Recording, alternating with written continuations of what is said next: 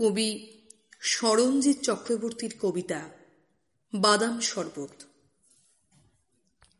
এক একদিন ছোটবেলার মতন রোদ্দুর ওঠে, আর আমি জানলায় দাঁড়িয়ে দাঁড়িয়ে বুঝি, এই একলা বাড়ির খুব কাছ দিয়ে তুমি মোটর গাড়িতে করে চলে যাচ্ছ বহু দূরে।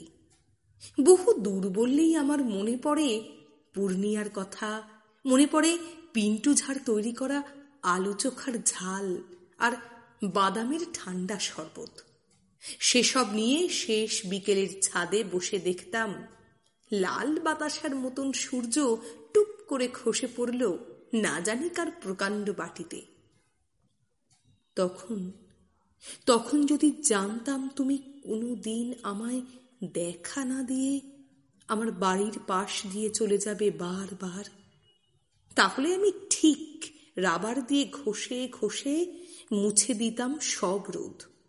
পিন্টু ঝাড় শরবতে গুলে দিতাম সমস্ত সূর্যাস্ত।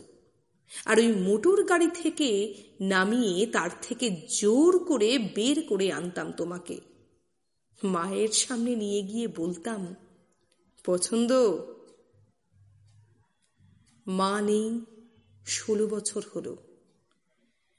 আর তুমিও ছোটবেলার রোদ্দুর তুলে মোটর গাড়িতে করে কার সঙ্গে যেন কোথায়? তাহলে এ জীবনে বলো, আমি কি নিয়ে থাকব এখন?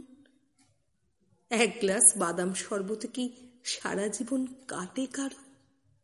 আমারও তো মাঝে মাঝে বাতাসার মতন টুপ করে খসে পড়তে ইচ্ছে হয়।